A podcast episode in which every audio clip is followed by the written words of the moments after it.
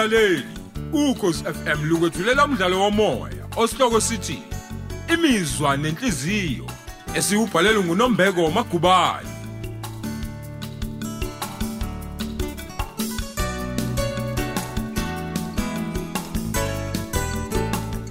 Lesi yisiqebu sethu sesiyagalolunye.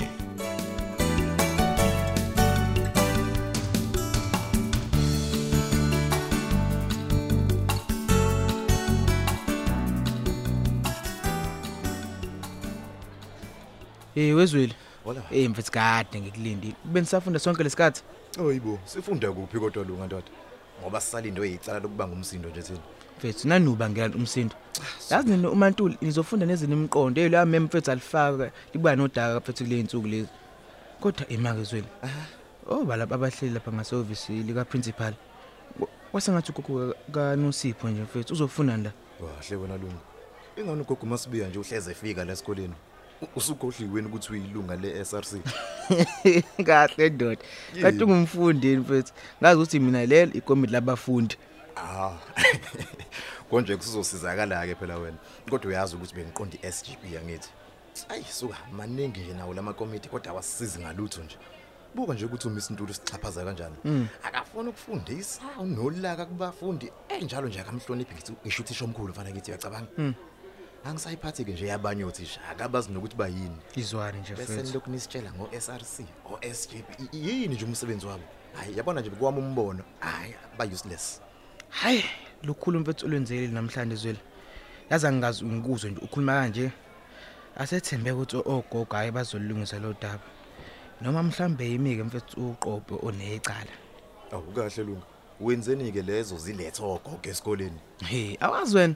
Yini mfethu mina nginecala elikhulu kabi. Oh yibondoda.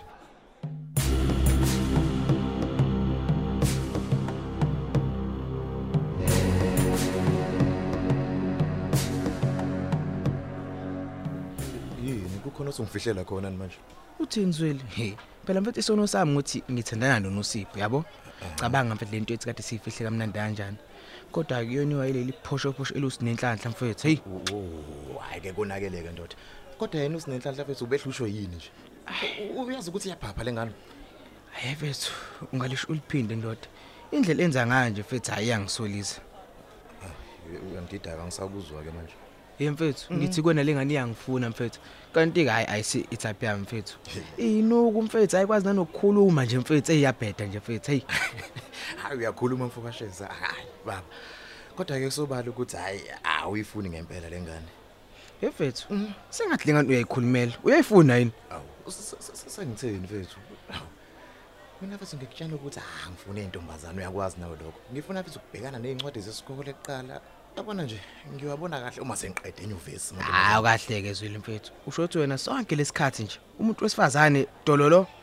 Futhi anginankinga nalokho mfana ngithi uyakwazi. Hayi, Kuzongisiza ngani futhi ukujaha ubudlelwane ngenaso nesitifiketi esisodwa lesi. Hayi. Hayi suka lapha mfethu. Lezi zinto mfethu ziyenzeka kanye kanye yazo. Kuhle nje ukuthi umuntu mfethu ayijabulise nontanga bakhe. Phela labantu mfethu bayimbali esayibhonga ngumdala. Ngeke ke mfethu ukuthi sibashiye kanjalo. Singabanaki. Hayi mfethu. Cha ngiyakuzwa longa. Futhi ke nje ngeke ngikuphikise kulokho ngoba unelungelo mfethu lokuyikhulumela nokuzikhethela yabo. Injalo nje mfethu. Uthisha uDlamini ujwayele ukuthi ke mfethu freedom of expression and choice. Phela mfethu yabo manje sesikhululekile. Ingakho kumele mfethu sijabulise sincebeleke. Nesikhathi kodwa siyasivumela ke mfethu yabona nawe. Yazi wena. Hayi uyayibeka ind- indaba mfokashezi ngiyakuzwa. Kodwa ke ngisho noNosipho mfethu wayengeke nje adabule ngisho seyithanda la kuwena. Wazi mina ngempela ke intanga. Into nje mfethu engiyifunayo ngiyayithola noma ka- kanjani standard. Kungazi kahle ke lokho okunosipho. Kwathi kuzama ukungidakhela ngamani ngamkonkoshela wathamba. Kwagcina nje sikuthwebela umthetho wami. Hayi nawe mfethu. Awu uyisoka leli lamanyala. Ngiyam- Ngiyavuma mina ngifuna uqamba manga baba. Buka nje ngoba uNosipho mfethu akanayo inkinga umuya kubo. Akakuthanda uyafa lo muntu hayi. Hey mfethu, ayikho into azoyenza. Phela umuntu le mfethu singamzisa into emnandi mfethu. Into ayingayazi. Akekho umuntu amcabanga njengamandla mfethu kuduma mina kuphela. Hayi bolunga. Engani usinehlanhla wathi "A- anikaze nenze lutho nje. Wena wathi manje, no, niseke Ah uyadlala wona zweli. Usho ukuthi mfethu ngayike ithuba nje mfethu livesa. Hawu yimi ngathi unosipho aka- akangamxoxeli lo ngoba uvuvo liyakhipha. Isikole sonke siwazi ukuthi mina naye senzani. yabo kube sengathi ithi kuphela esijolayo kanti sibaningi yabo hayi ungehlulile fana kithi manje ke uyokwenza njani kuma ingane yabantu igcina isikhulele njengoba nje wena uyakubo insuku zonke lezi ngamtshela mfethu ukuthi asemise lokhu kokuvela ukukhulela yabo uma engayicabangeli akudoke igale mina lelo mfethu. Okuhle ngamtshela ukuthi ukuba umzali mfethu angakabi ready for kona yabo? Yena kumele usangisa ubumnandi avumela ukukhulela awuyibona mfethu mina ngiyophiya ngilale ngomhlanje A- a- hayi lunga yabona le nkulumo yakho kayi? Angiyithandi sisi nje kahle. Futhi i- i- iyangisolisa nje sengathi awumthando nosipho ngibona sengathi uthanda ukulala naye nje kuphela. ngiyakuphikisa ke lapho oyiphikayo? unosipho mfethu ngimthanda ngenhliziyo yami yonke. Futhi nje mfethu ngifisa agcine la ngimini yabo? Hayi futhi angiyimisele nokuthatha intombazane. Kodwa nje lokho engamtshela kona ngisame kukhona mfethu. Hayi asazi.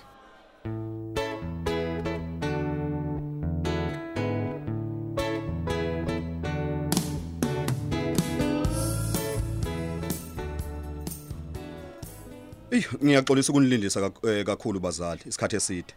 Ngixolise kakhulu. Nisuke nafika ngisemhlanganweni obuphuthuma kakhulu. hayi ayikho inkinga thisha omkhulu Ngiyabonga. nathi siyibonele ngawethu ukuthi uthwele kanzima kulo msebenzi wakho Ayu. Eh a- a- angiqonde kahle ukuthi uchaza ukuthini mase singcobo. habe uthini umbomvu ingathi simbone kahle uthisha ephuma nezicaphi ihhovisi lakho Hayi cha. A- Akonakale lutho mase singcobo. Besibonisana nothisha ngothatshana oluthilo olubalekile. hayi kulungileke mbomvu umusho kanjalo kodwa mina nomantombela siyayazi into esibonile Awu. nokho kasizange ngalolu daba la Eh nginganisiza ngani konke abantu abadala? hayi size ngodaba likathisha ongafuni ukufundisa ingane zethu mbomvu Awu. kule sikole simdinga uthisha ozotshela ingane ukuthi "Oyi, ayazi lutho izofeyila Oh, hayi hayibo. akukhulume naye ke nawe khulume naye nje ngoba umphethe futhi uyawazi nomthetho wezemfundo. Thina thobele simlinde sangani sibuqama ingozi engeqiwantwala esathathwa abazi uzobona. Awu kahle ngolaka phela khokho kwaNosipho.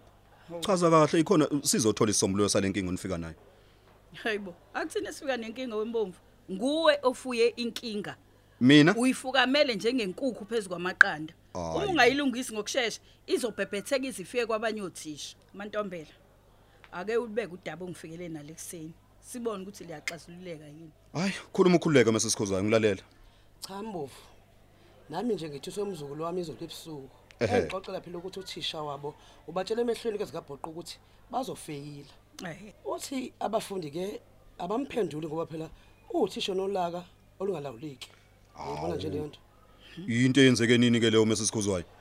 Uthi kade aqala ukuyisho lento uthisha omkhulu Hayibo. sebeze baphela ngisho nawe uthando lesifundo sakhe phela ngixoxela indaba ngenxa yesenzo sakhe nje sokubahlukumeza Ewu ewu ewu ewu ewu. Sengathi ikhongetho inkinga eyiningi ke kulezi insuku. hayi inga ngempela mina ngibona sengathi uwe thisha omkhulu ovumela othisha ba- ba- bagcwaneke phezulu ekhanda lakho mbuvu Ngempela. kanjani manje? Uyena. awubheka nje khona manje Si- sibone ku- kuphuma uthisha la e- ebhaqaza izicapha into e- into into engakhuzeki sehhovisi lakho cabanga isicapha sehhovisi lakho awumqashe ngalo thisha ngitshela umyekeleni Cha mase sikhozwayo. Hayi, cha. Mi- Mina nginalo ilungelo lokuxoxa uthisha. Owami umsebenzi wokuthi ngidlulisa umbiko eminyangweni wezemfundo. Yiwona ako negunya lokuthathela kuthisha i- i- i- inyathelo. Hayi mina. okay ke okay mbovu kulungile asiyiyeke ke lento ngoba phela sekubonana ngokusobala ukuthi uyamesaba lo thisha ake sikhulume lena ke yalo thisha o- o- otshela izingane zethu ukuthi azazi lutho konje u- uthe uthe ufundisa siphi isifundo masibe angikhumbuza oh oh Maths. oh ngakhumbula imath yebo imath sicela usibizele yena ke mbovu Hayibo mameshane. sibizele nokusheshsha okukhulu Ah uyawuchitha umuntu inkonyane.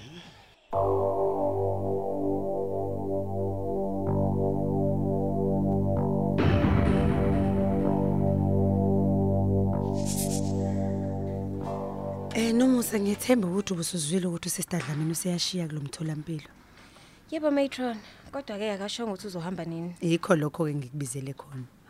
Usister Dlamini uzogcina nje emsebenzini ekupheleni kwayo lephezulu. Hawu. Yibo. Kwase kushesha kangaka. Yazi bengicabanga ukuthi mina mhlawumbe uzonikeza inotice yenyanga ezintathu nje njengokujwayelekile phela. Cha ayakuzohamba kanjalo ke ngenxa yencindezi ekhona yasemkhomazi. Umtholampilo kudinga uqala ukusebenza ngokukhulu kusheshsha. Oh, kodwa matron. Isikhathi sokubalisa siphelile manje sister. Engikubizele khona ukuthi ngizocela ungene ezicatulweni zika sister Dlamini njengoba sekuzovela isikhala. Hayibo, mina matron. Ngisho wena impela. hayi ngeke mm, mm, angeke ngilunge mina matron anginawo phela mina umqondo ohlakaniphe njengohambali Sister ngikubizelanga ukuzoniqhathanisa ngemiqondo lapha. Ngizokunika ithuba lokuthi nawe uzithuthukise emsebenzini wakho. Nguwe kusozoba usister in charge kusukela ngesonto elizayo. hayi ngeke matron kodwa uthi ngizolunga nje mina njengoba ngingakwazi ngisho ukukhuluma awu ngeke matron Sister umsebenzi ozowenza awudingi ukuthi ube igagu. Kodwa ufuna umuntu osebenza ngokuzimisela. Ngiyethemba ukuthi kuningi osukufundile ngenkathi usebenza noSister Dlamini. yebo yena uke wangifundisa nje bandla okuningi kodwa noma Nomusa ngicela singabusachitha isikhathi ngokuphikisana. Mina sengiwenzile umsebenzi wami konke sekusezandleni zakho manje. Kuzomela ubonane noSister Dlamini ikhona ezokwenza hand over kuwena. Ngiyacabanga ukuthi izodinga izinsukwana ukuze azilungiselele ukuyimkhomazi. Eh, o- okay kulungile matron hayibo kodwa ngivelelwe yini nkosi yami Ye. angazi noma mina ngizokwazi yini ukumelana nomsebenzi kambali yazi ngabe ngcono mhlawumbe ukuthi yena ngizobhekana neziguli kuphela he engabe ngizokwenze njani nje uma abahlengikazi sebengikhipha inyumazana He. ingani phela nami benginomkhuba ukuthi ngiyeqa emsebenzini isikhathi sokuphuma singakashayi. Engabe ngizothini ke bengasafuna ukungihlonipha nkosi yami? Mm. hayi kwaze kwanzima kube yimina. Angivele ngiyeke nje ukubalisa. Ngiye kuyena umbali. Mhlawumbe nje uzonginikeza eluleke eyingconywana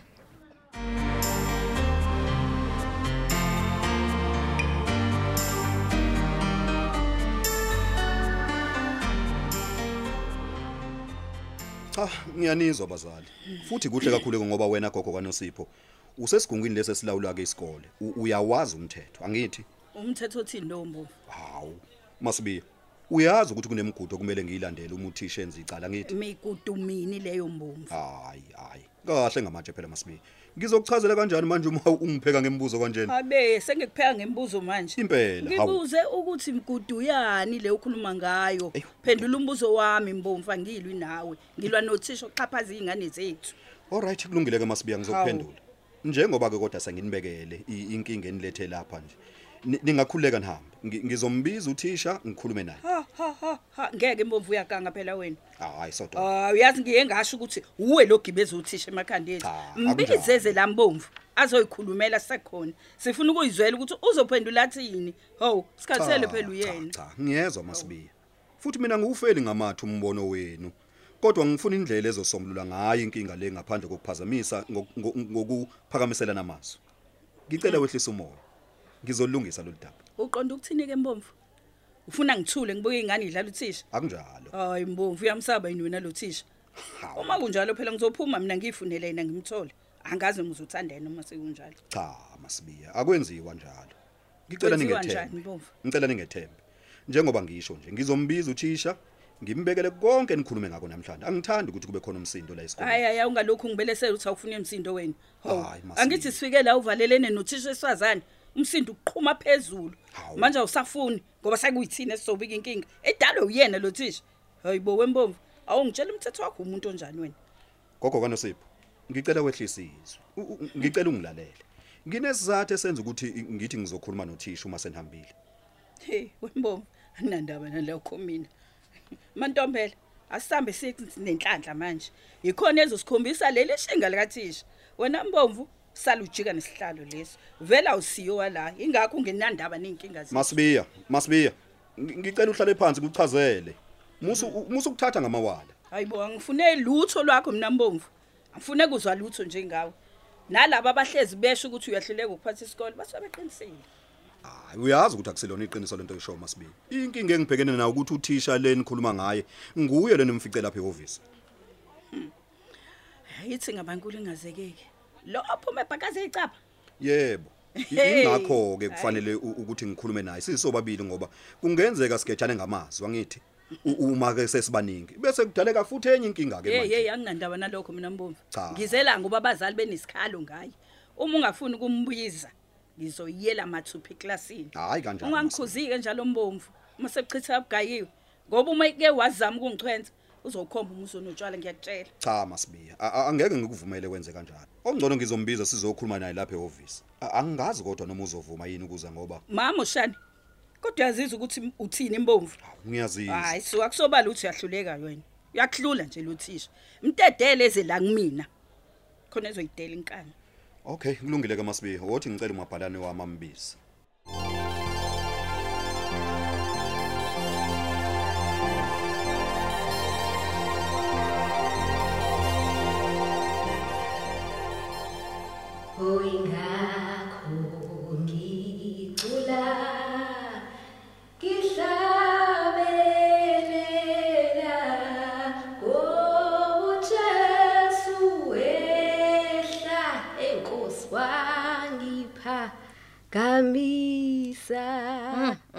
Hayi wazi wacula kamnandi mnganami kwenze njani vele Hayibo wemngani usamkhumbula yini umama Thabethe lo phela wayelethwe indodakazi yakhe la engasikwazi ngisho ukukhuluma eh oh usho lo lo wayephethe isifo sikashukela ngithi Yebo, hayi ke Ntombi, kade ngishayela ucingo ke. Ebonga nje oyindlela esamphatha kahle ngayo ngalesikhathi elalisiwe la. Hey, usengigixabeze ngezibusiso. Hayibo.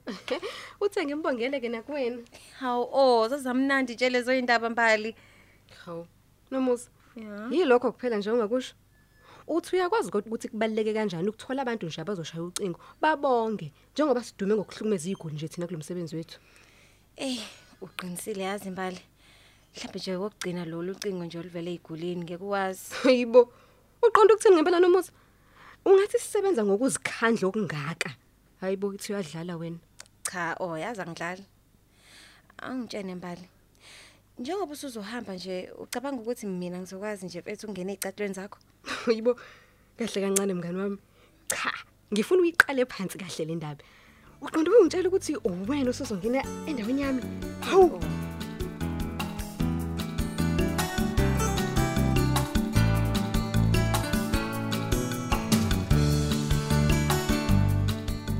Sisibeka lapho isiqephu sethu imizwa nenhliziyo esethulelwa ukhozi FM